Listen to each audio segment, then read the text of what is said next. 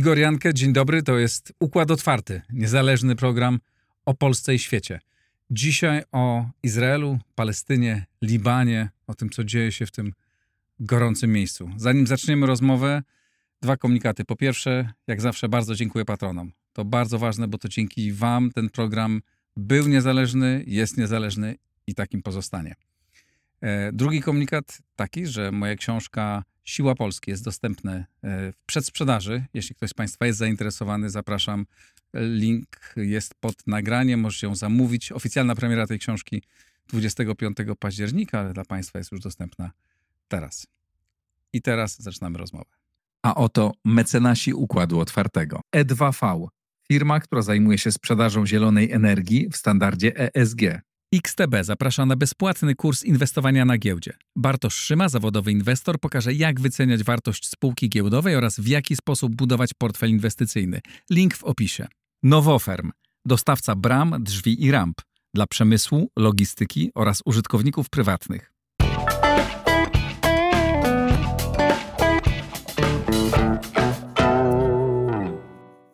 Paweł Rakowski, komentator polityki bliskowschodniej, autor książki o Libanie, specjalista, znawca tego regionu. Dzień dobry. Dzień dobry, witam Państwa.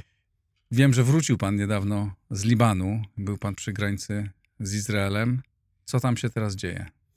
No tak, byłem na granicy libańsko-izraelskiej, chociaż to jest tylko formalność, ponieważ realnie to jest granica irańsko-izraelska. Władza w Bejrucie nie ma żadnej kontroli nad tym, co tam się dzieje. Władza w Bejrucie... Aż tak? Aż tak. To mocno irańsko-izraelska. Tak, irańsko-izraelska, w związku z tym, że e, to jest teren wyłącznie kontrolowany przez Hezbollah. I, ale tego Hezbollahu nie widać, ponieważ mhm. jedyne, jedyne formacje wojskowe, które tam widać, to są wojska ONZ-u, Unifilu. Tym, tym też jest nasz kontyngent pod miastem Bin Jubail. Miasto Bin Jubail to jest e, największy ośrodek miejski w tej, w tej części Libanu. E, miasto stuprocentowo szyickie, miasto e, 3 km do granicy z Izraelem, największy bastion Hezbollahu. Mhm. Proszę wyjaśnijmy, czym jest Hezbollah. Nie wszyscy nasi słuchacze, widzowie są ekspertami, tak bardzo się interesują. Wielu ludzi coś im dzwoni.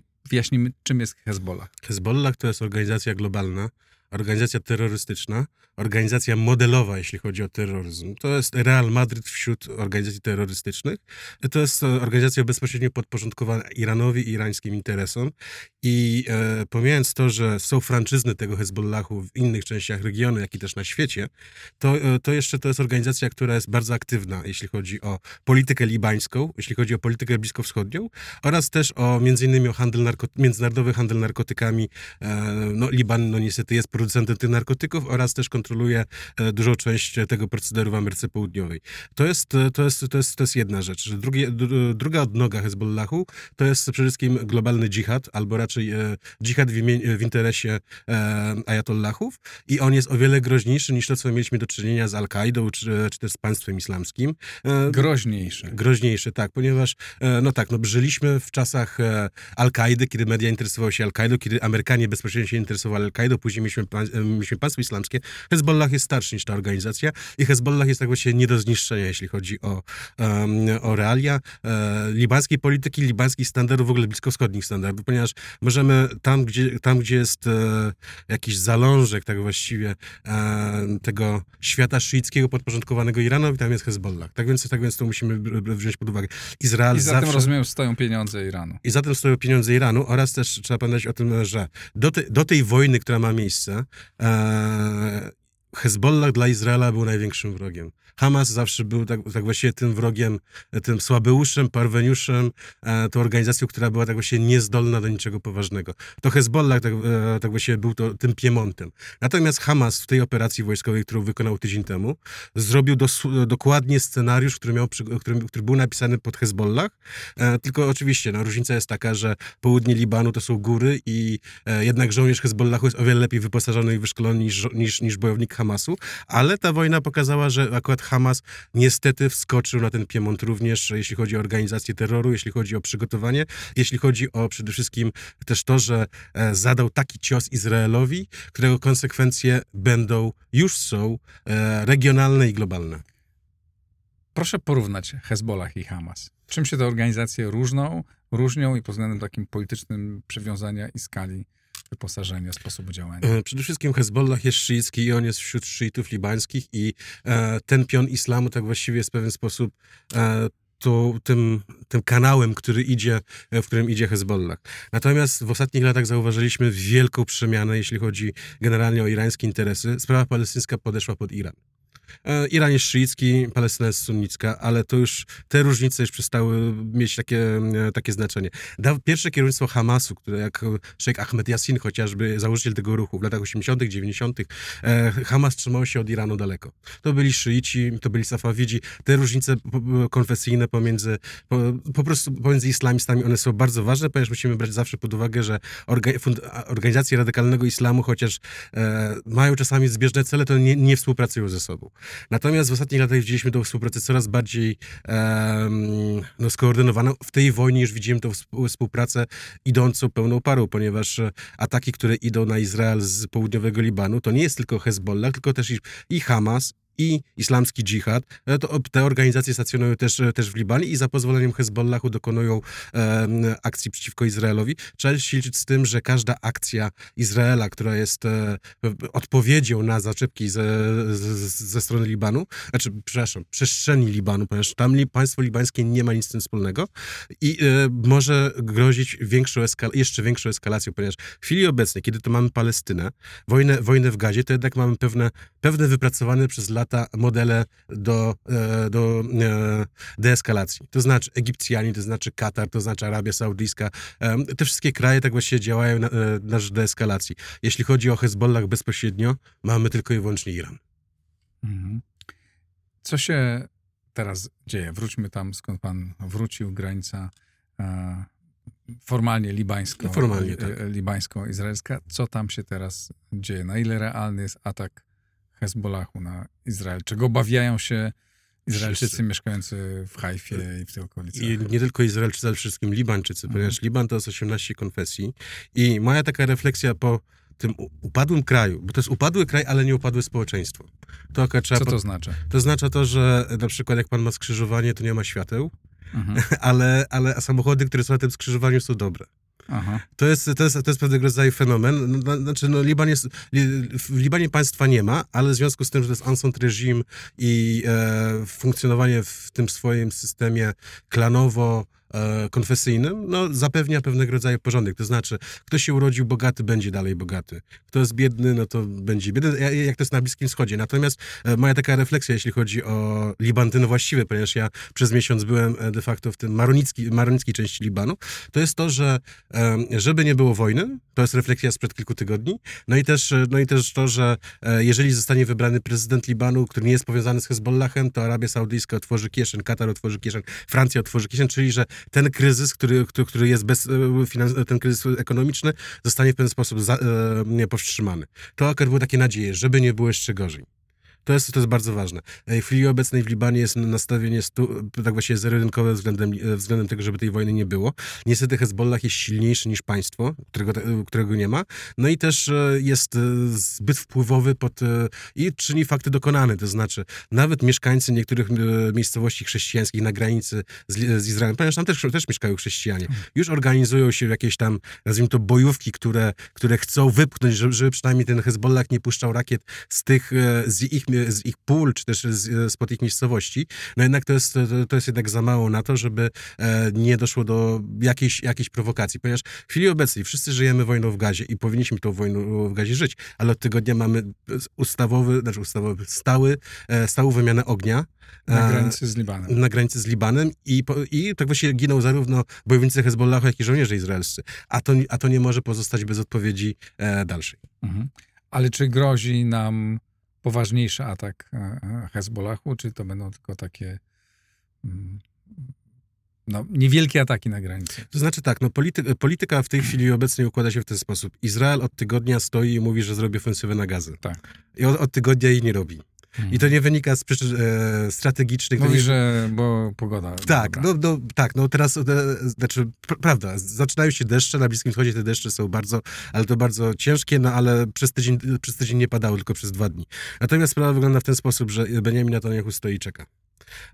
Czeka na co? e, czeka na to, że... Aż opuszczą tą pół, północną Gazę? Nie, nie. Kwestia, kwestia, izraelska, kwestia palestyńskich cywilów podejrzewam jest zupełnie obojętna dla izraelskiego establishmentu i te bardzo surowe i kontrowersyjne wypowiedzi e, to najlepiej wskazują, że to jest, to jest zupełnie obojętne, ponieważ musimy pamiętać o tym, że im więcej Arabów zginie w Gazie, to jest po pierwsze, to nie jest żaden zysk dla Izraela, to jest zysk dla Hamasu. To, ponieważ już nam się odwróciło to wszystko, już media całego świata, jak i też demonstracje na całym świecie pokazują palestyńskie ofiary nalotów. Już świat arabski mówi odnośnie e, tylko i wyłącznie tego, tego e, zbrodni, które się dzieje w Gazie. Natomiast, e, natomiast istota jest taka, że Benjamin Netanyahu stoi i czeka nie dlatego, że nie zmobilizował armii. Zmobilizował, tak? Gaza nie jest żadnym przeciwnikiem dla armii izraelskiej, chociaż może być tym przeciwnikiem, ale Gaza, Gaza jest tak położona, że, w, że zajęcie trzech punktów w strefie gazy automatycznie doprowadzi doprowadza do pełnej kontroli. Tylko, że to nie jest cel Izraela. Znaczy, w sensie my nie wiemy jeszcze, jaki jest cel Izraela względem gazy, ponieważ są, trzy albo, są dwa albo trzy warianty. Natomiast chodzi o to, że polityka e, najwyższych kalibrów, nazwijmy to, e, nakazuje tutaj wstrzymanie operacji. Antony Blinken objeżdża cały, oblatuje cały Bliski Wschód. Mohammed bin Salman e, zignorował sekreta amerykańskiego sekretarza i na umówione spotkanie przed kilka godzin później, to jest, to jest bardzo ważny komunikat, ale Blinken wraca do Tel Awiwu z informacją, świat arabski się nie zgadza na, na żadną ofensywę, a Izrael się mu, musi liczyć z Zatoką Perską i z innymi państwami arabskimi, ponieważ Izrael, e, Izrael nie był skłócony ze światem arabskim. Wręcz przeciwnie, w ostatnich latach dogadywał się. Dogadywał się i nawet Mohammed bin Salman, saudyjski następca tronu, dokładnie trzy tygodnie temu w wywiadzie dla jednej z czołowych stacji amerykańskiej telewizji przyznał, że kwestia normalizacji z Izraelem jest i ona nabiera rozpędu. Tak więc, tak więc tutaj... Ale zdaje się, że się cofnęło w ostatnim. To się bardzo mocno cofnęło i się będzie... I teraz Benjamin Netanyahu musi liczyć się z tym, jak bardzo się to cofnie. Pomijając oczywiście jego karierę polityczną w Izraelu, ale, ale, ale, ale, to, ale, chodzi mi o to, że komunikat jest jeden, nie, wchodzi, e, nie wchodźcie. To jest, komunikat ze, to, jest, to jest komunikat ze świata arabskiego. Oczywiście mamy tutaj Amerykanów, ponieważ e, za rok są wybory, są, są, są wybory. Czy e, prezydent Biden chce mieć kolejną wojnę na karku? To jest to oczywiście, że nie chce. Natomiast trzeba, trzeba liczyć się z tym, że kto ma korzyść z chwili, w chwili obecnej, korzyść z tej wojny ma, ma, mają dwa państwa. Iran i Rosja. I to jest niezależne, czy Izrael wejdzie do gazy, czy Chiny nie wejdzie. też Chiny tak. E, pośrednio e, nie, pośrednio, nie tracą. Nie tracą, tak. No, Chiny, na pewno nie, Chiny, Chiny na, pewno nie tracą, ale ja chciałbym tutaj mówić o tych aktorach e, bliskowschodnich, mhm. którzy są od... Za, no, Iran jest tam od 2,5 tysięcy lat. Rosja jest co najmniej od 300 lat. Tak więc, tak więc tutaj Chiny, Chiny jeszcze są nowym gościem na tym terenie, tak więc, tak więc ich to dopiero historia w pewien sposób opisze. Natomiast chodzi mi o to, że to jest, e, Gaza to jest bagno. To jest, to jest absolutne bagno, ponieważ Izrael w żaden sposób może zająć tą gazę i co, i co z tą gazą zrobi? Nic. No, ale bardzo trudno jest zająć tą gazę. To jest bardzo gęsto zaludniony Dokładnie. teren, I jeszcze... tunele, budynki, wąskie uliczki. Dokładnie. Jak, jak tam może, jak może wyglądać to zajmowanie gazy? To znaczy tak, mając, mając na plecach 2,5 miliona cywili, no właśnie, jak to może wyglądać. E, komentatorzy... Wzywają ich do opuszczenia, tak? No, Ale opuszczają. To, tego, tego, wie pan, tego się nie da opuścić. Tego się, ja, ja, raz w gazie hmm. byłem, tego się nie da opuścić po prostu. Jak wygląda gaza od środka? Ale to dawno temu było, ale to, znaczy, jak to wygląda od środka? Bardzo źle. Czyli, czy, znaczy... Mm, Chodzi o to, że 80% mieszkańców strefy gazy są uchodźcy, tak? Nawet mhm. szef, e, szef Hamasu Ismail Hania, który wygodnie rezyduje w Katarze, e, no jest e, uchodźcą, jego rodzina oryginalnie pochodziła do 48 roku, mieszkała w Ashkelon, mhm. czyli, czyli mieście, które dzisiaj jest w Izraelu. Blisko jest, gazy. Blisko gazy, na które Hamas strzela rakiety. Tak. Ważne jest to, że akurat Izrael zajmując nawet 100% strefy gazy, nawet bijąc się ciężko z własnymi stratami, które by szły w tysiące. E, no, tutaj komentatorzy są zdania, że to była największa bitwa miejska od czasów Stalingradu. E, nie osiągnąłby żadnej korzyści politycznej, ponieważ, takie, ponieważ tak jak już mówiłem o Hezbollahu, który jest globalny, Hamas też jest globalny. E, Hamas ma 20 tysięcy bojowników, za miesiąc będzie miał 40 tysięcy bojowników, jeżeli te 20 tysięcy zginie. To nie jest żaden problem. To nie jest absolutnie żaden problem. Hamas występuje w różnych, w różnych częściach świata. No, po prostu taka jest palestyńska demografia, że, że po prostu, że im materiału ludzkiego nie brakuje, chociaż, chociaż trzeba też wziąć pod uwagę bardzo ważny czynnik. Hamas wychował sobie Palestyńczyków w strefie gazy. Ponieważ pamiętajmy też o, to, o, tym, że Hamas tam jest w sumie 40 lat, kontroluje to od 2007 roku. Szkoły, przedszkola, uniwersytety, zakłady pracy, wszystko Hamas kontroluje. Mhm. Czyli, czyli dlaczego Egipcianie nie chcieli, między innymi dlaczego nie chcieli wpuścić e, Palestyńczyków z gazy? Ponieważ Egipt zwalcza bractwo muzułmańskie, Hamas, Hamas to jest mhm. bractwo muzułmańskie de facto i oni nie chcieli mieć po prostu ludzi o tym mentalu.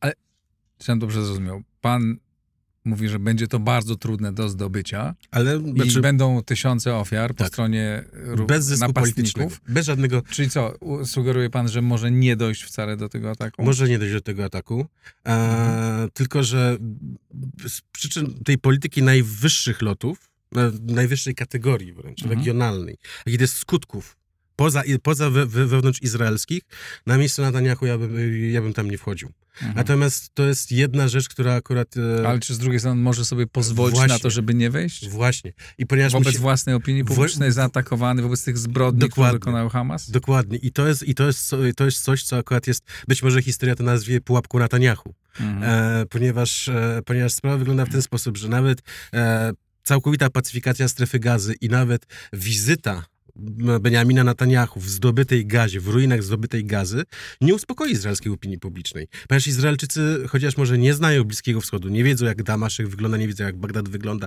jak Teheran wygląda, ale oni byli w gazie od 67 roku i większość Izraelczyków raczej sobie zdaje sprawę, że to nie jest żaden sukces zdobycie gazy. To jest, to jest, to jest, to jest, to jest bardzo ważna sprawa, ponieważ zdobycie gazy de facto może nie tylko kosztować... Znaczy nie, jest, nie jest sukces dlatego, że może za tym za tym mogą iść kolejne ataki Kol Hamasu. To nie, to nie załatwi sprawy. To nie załatwi w żaden sposób mhm. sprawy, ponieważ e, no, no, co można zrobić, tak? To jest, to jest, to jest absolutna pułapka. Czy, czy to Izrael wróci tam z okupacją? Nie wiadomo. Pojawiła się koncepcja, żeby Izrael tam zainstalował e, władzę autonomii palestyńskiej. No trochę z tego dramatu nam się robi komedia, tak? Ale, ale to... Ale, Dlaczego? Proszę wytłumaczyć. E, chodzi o to, że w 2007 roku była wojna domowa w, w strefie gazy pomiędzy Hamasem i Organizacją Wyzwolenia Palestyny, która rządzi e, autonomią palestyńską. Mhm. No i Hamas wygrał tę wojnę. E, OWP nie miało tam żadnego dużego wsparcia, jeśli chodzi o. E, no bo realia cywilizacyjne pomiędzy Gazą a zachodnim brzegiem to są kolosalne. To są kolosalne różnice. E, cywilizacyjne, mentalne. E, zachodni brzeg to jest jednak miejsca święte, miejsca turystyczne. Tam kontakt ze światem mają, tak jeżdżą do Ammanu, e, inni ludzie, a Gaza zawsze była więzieniem. To już, to już te więzienie powstało w 1949 tak. roku. w czasach egipskich też to było więzienie. Tak więc, tak więc mamy, mamy z, z zupełnie, z zupełnie inne realia, jeśli chodzi o e, materiał ludzki, po prostu, mhm. jeśli chodzi o materiał ludzki. Natomiast e, chodzi o to, że e, jeżeli autonomia palestyńska by wróciła do E, do, do strefy gazy. Czego, coś, co akurat by było bardzo rozsądne pod względem politycznym, bo to by było ba bardzo prosty model. To znaczy, autonomia palestyńska wraca, e, mamy nowe kierownictwo autonomii palestyńskiej, robimy wybory w Palestynie, e, od, odsuwamy e, ekipę obecną, e, która już jest, która po prostu nie ma mandatu społecznego, robimy negocjacje izraelsko-palestyńskie i mamy pokój. To by, to by, było, naj, to by było najprostsze, niestety. Ale to tak to nie, nie wygląda. Tak, tak to mhm. nie wygląda. Dobra, to co może się zdarzyć w najbliższych dniach, tygodniach? Czy Hezbollah zaatakuje mocno? Czy wejdzie? Będzie próbował wejść? Czy e, armia izraelska jest w stanie i przygotowywać się przynajmniej do zajęcia gazy? To znaczy, to znaczy... I chronić skutecznie e, granice na północy? To znaczy i jeszcze syryjskiej mhm. ponieważ nam się, nam się temat rozlewa. E, no to jest, to jest akurat po prostu skutek mhm. tego, że tam nie ma żadnych państw, tak? Czyli Liban upadły, Syria upadła, Bashir al-Assad też nie ma żadnej kontroli nad tymi terenami, Gaza upadła, więc, więc to jest tak właściwie taka wielka próżnia, która powstała w wyniku e, ostat, ostatnich dekad de facto. E, no i po prostu islamiści ją wykorzystują, tak? Natomiast, natomiast to się może stać. E, jest presja wywierana na Izrael, e, zarówno ze strony świata arabskiego w sposób dyplomatyczny i polityczny, też, e, też, e, też i możemy tutaj e, założyć, że jest presja odwrotna ze strony izraelskiego społeczeństwa, z którym Benjamin Netanyahu będzie musiał się liczy, odnośnie, odnośnie inwazji. Natomiast presja ze strony Iranu jest taka, że i żeby w pewien sposób zmobilizować i prowokować dalsze ekscesy, które, które w pewien sposób obnażają słabość armii izraelskiej, ponieważ Izrael został tak właściwie skompromitowany w tej wojnie i dalej, i dalej, i dalej ta słabość jest obnażana. No i też to, że w pewien sposób Amerykanie Amerykanie za, e, zareagowali. To znaczy, są lotniskowce na Morzu, na Morzu, Morzu Śródziemnym i e, oficjalne i nieoficjalne komunikaty są bardzo proste, że te lotniskowce mają chronić Izrael i przede wszystkim mają odpychać widmo Hezbollahu od tego, od zaangażowania e, w, w tą wojnę. I teraz mamy taką sytuację. W, e, podejrzewam, w, w Bejrucie, w, w dzielnicy Shiachu się mocno zastanawiają pod, e, w turbanach, tak, tam pewnie jest taka narada tych wszystkich brodaczy i starców. To pewnie fajnie wygląda, ale co robić? Ponieważ z jednej, z jednej strony sponsor naciska. Sponsor naciska, żeby tutaj... Czyli Iran. Czyli Iran. Tylko, że, tylko, że, o, tylko, że Iran nie będzie e, wypalony, ani też w, ża w, żaden sposób nie będzie ponosił konsekwencji, ponieważ Hezbollah, pomimo tego, że jest oczywiście narzędziem Iranu, jest też, i, znaczy osadza się w sprawie arabskiej i osadza się w sprawie libańskiej przede wszystkim, to my mówimy w dalszym ciągu o partii politycznej w Libanie. Tak, no bo to też jest, trzeba wziąć pod uwagę to, że e, jak, jak się mówi Hezbollah w Izraelu, to wszyscy stają na baczność. Jak się mówi Hezbollah w Libanie, to ludzie sobie żarty robią jak z każdej innej partii politycznej e, w, każdym innym miejscu na świecie. Czyli dobrze rozumiem, że e, Iran naciska Hezbollah, żeby nękał Izrael, Tak. a ci dowódcy Hezbollahu, czy ci, którzy... Rozważają sytuację i... No bo, bo obawiają się jednak sprawności armii Znaczy- izraelskiej, która może zareagować bardzo ostro. To znaczy, może nie tyle co sprawności, ile zniszczeń. Mhm. No, Ponieważ umówmy się, ja wiem o tym, że akurat być może wielu widzów teraz może myśleć, że, że ta wojna jest, ta wojna doprowadzi do zniszczenia Izraela. Do żadnego zniszczenia po prostu nie doprowadzi. Doprowadzi do wielkiego kryzysu, bezpre- który będzie trwał naprawdę bardzo długo, być może 10 albo nawet jeszcze dłużej lat. To ta wojna do tego doprowadzi i nawet sami islamiści są do tego zgodni, że to jeszcze nie jest ta wojna o wyzwolenie Palestyny.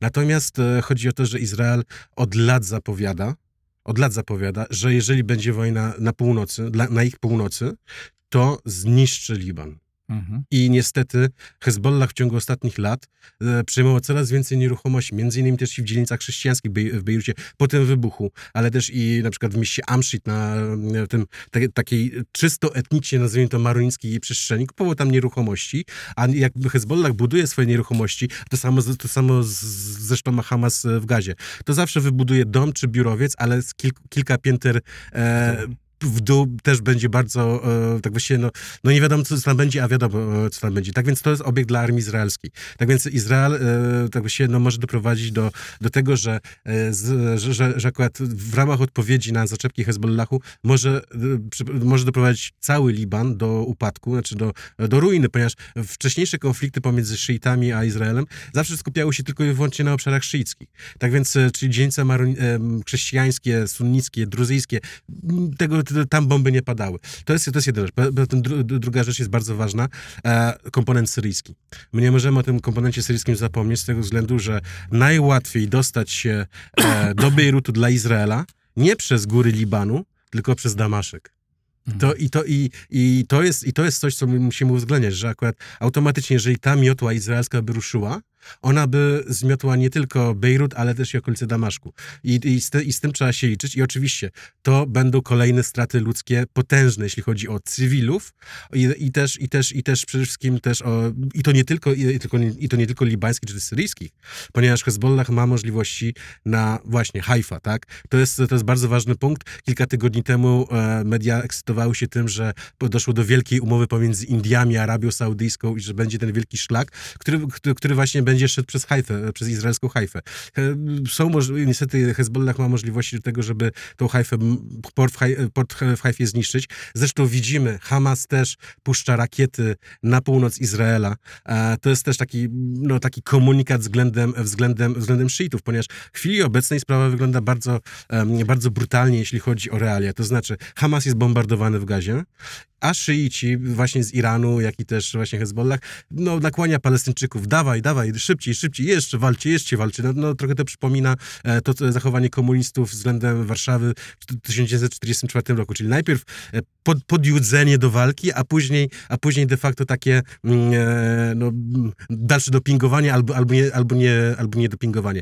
Dlatego też w pewien sposób tutaj Iran jest zmuszony do jakiejś reakcji, po to, żeby zachować twarz i po to, żeby historia zapisała, że w tej wojnie Iran był aktywny.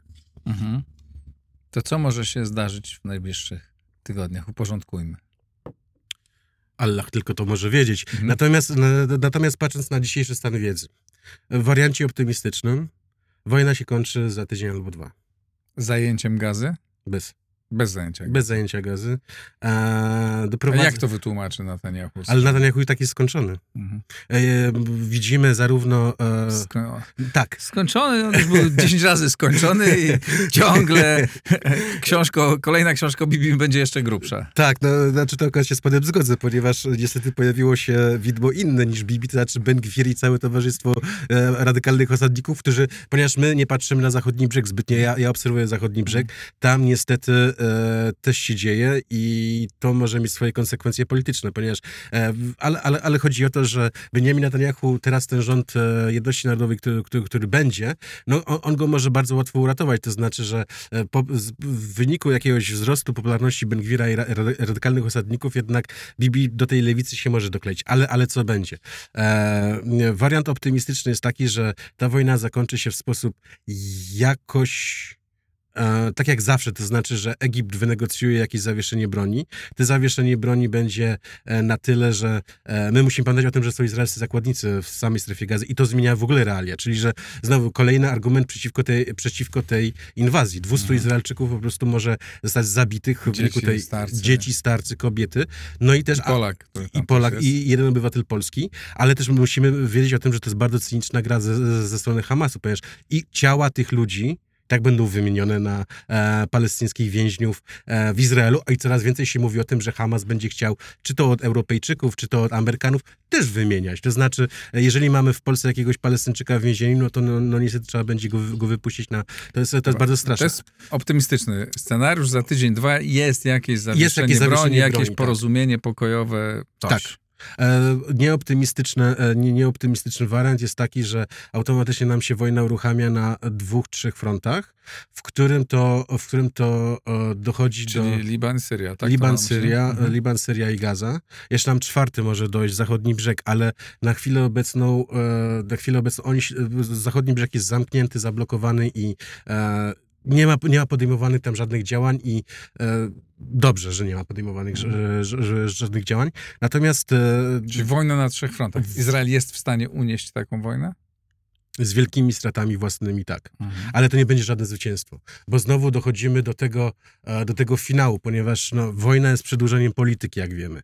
E, I na koniec, po, po zakończeniu działań wojennych, które mogą trwać kolejne tygodnie, chociaż mamy teraz pogodę, która na Bliskim Wschodzie jest e, ważnym czynnikiem, to znaczy listopad to już są opady mm, deszczu, śnieg, Pamiętajmy o tym, że to są ludzie bliskowschodni, nie do końca przyzwyczajeni do tych warunków atmosferycznych i, i, i, i to akurat ma, b, b, będzie miał jakiś tam wpływ. Natomiast e, przede wszystkim wydaje mi się, że e, Izrael tak właściwie skończy tę wojnę jako i tak upokorzony tym wielkim atakiem, który Hamas e, przeprowadził. Skończył upokorzony kolejnymi wielkimi stratami własnych cywili i własnej armii na gruzach gazy, być może przedmieść Damaszku, e, być może e, i Bejrutu, ale nie osiągnie nic. To znaczy za 5-6 lat będzie sytuacja analogiczna, to znaczy te wszystkie organizacje wrócą do swojego, do swojej obecnej e, mocy, potęgi, no nie chciałbym tego słowa użyć, ale jednak możliwości, no i, e, no i sytuacja będzie otwarta, tak. Trzeba też wziąć pod uwagę jedną rzecz, historia rozliczy Netanyahu, znaczy w pewien sposób za obecny stan to odpowiedzialny jest bezpośrednio Benjamin Netanyahu. E, to on był 14 lat premierem, z przerwą krótką, ale był. To pod jego nosem de facto Hamas z organizacji, która strzelała rurami kanalizacyjnymi na Izrael, e, przerodził się w taką bojówkę. To na jego, to na, to na jego oczach de facto Hezbollah z organizacji bardzo poważnej prze, e, przerodził się jednak w potęgę, która ma 120-140 tysięcy rakiet i 40 tysięcy doskonale wyszkolonego żołnierza. To też polityka Izraela, ale też nie tylko, doprowadziła do tego, że nie ma z kim rozmawiać w Syrii. To znaczy zawsze wcześniej, przed 2010-2011 rokiem był ten Asad e, w Damaszku i było z kim rozmawiać. On jednak, on jednak był jakimś tutaj ważnym czynnikiem em, tej polityki, ponieważ miał też jakiś interes. Asad nie panuje nad własnym terytorium, tak? Tak więc, tak więc no, powstała kolejna próżnia. Tak więc, e, tak więc to, jest, to jest taka ta wielka, wielka pułapka Izraela, że nawet jeżeli dojdzie do zgruzowania em, przeciwnika, nawet i to będzie o bardzo dużym kosztem własnym i to nie doprowadzi do żadnego rozwiązania politycznego. Przy tym Izrael, tak poli- jeśli chodzi o politykę wewnętrzną, będzie w wielkim kryzysie i to nawet, i nawet nie chodzi o politykę, tylko też przede wszystkim Izrael nie jest też, to jest państwo ideologiczne w pewien sposób, tak? Żydzi na całym świecie mają ten, patrzą na Izrael jako miejsce ochrony dla siebie. Tak, no Izrael okazuje się, że, nie, że przynajmniej w pierwszych tych dwóch dniach wojny no, nie sprawdził się. Tak, i ta wojna dalej, dalej pokazuje to, że Izrael jest, znaczy jest bardzo czuły, że, że Żydzi mieszkający w Izraelu są narażeni na, um, na ataki, tak, że armia nie, nie zawsze i nie wszędzie może ochronić, że, że, że służby nie, nie zawsze i nie wszędzie mogą ochronić. No i też, no, też inna sprawa, Izrael jest nowoczesnym państwem. E, pod Herzliu znajduje się przez cały ten komponent high-techu, tak, który tak właśnie tworzy, tworzy tą potęgę, jeśli chodzi o gospodarkę, jeśli chodzi o finanse, jak i też przede wszystkim e, ten prestiż Izraela. Tylko proszę sobie teraz wyobrazić, e, ludzie, którzy tam pracują, czy, jest dobrze, lubią Bliski Wschód, ale też można pracować bardzo dobrze w Dubaju. Też można teraz w Riadzie bardzo dobrze pracować za podobne pieniądze i mieć ciszę i spokój, a nie mieć, być wycelowany rakietami z dwóch, z dwóch albo z trzech stron. Z tym Izrael się musi liczyć, ponieważ e, izraelska gospodarka, która jest e, też bardzo, ale to bardzo, e, no, no, ja byłem w Izraelu przy, po Bożym Narodzeniu, tak, no to, no to było czuć ten kryzys, który, który, który był spowodowany pandemią, który był spowodowany tymi, tymi lockdownami, no bo znowu, Izrael też żyje z no, turystyki. jeszcze był wielki kryzys polityczny. No, I był kryzys polityczny, tak, no tylko, że akurat ja byłem akurat, jak już Ben Gwir się za, po prostu zaprzysiężył, tam awanturę zrobił na wzgórzu świątynnym, czyli, e, ale, ale, ale nie, chodzi, chodzi mi o to, że to też, to też trzeba, trzeba to uwzględnić, ponieważ Izrael nie jest łatwym miejscem do mhm. życia, a jak się ma dużo wykształconych ludzi, a rynki są globalne, no to jednak może nastąpić ten, można ich stracić mhm. I, i Izrael nie może sobie pozwolić na to, żeby być państwem, nazwijmy to jednym z wielku, musi, musi być tym e, prymusem w regionie i świat arabski, a przede wszystkim, ja patrzę na Zatokę Perską,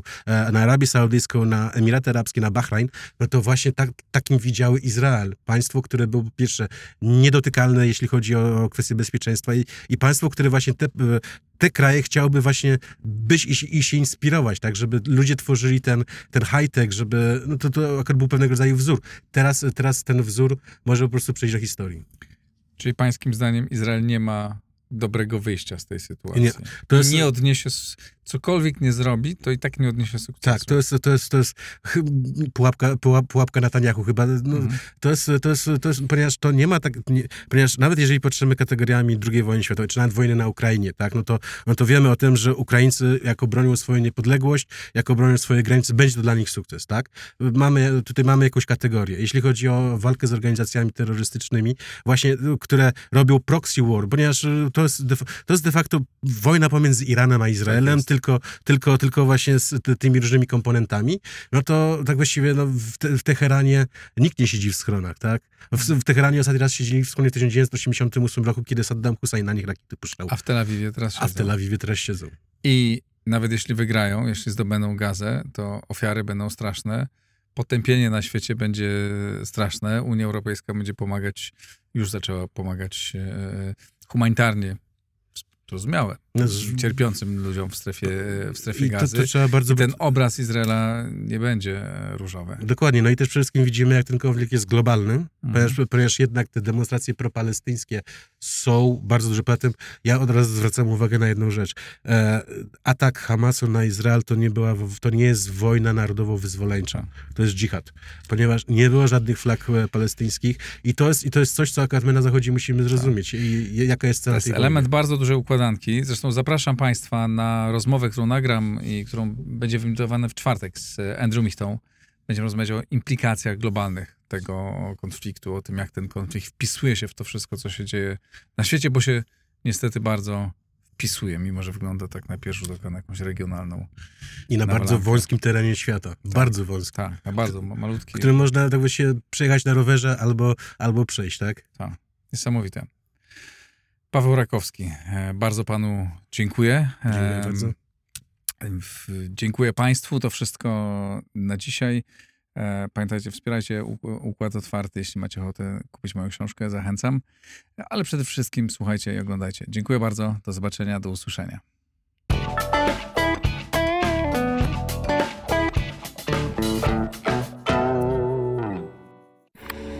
Nagraj to w blisko.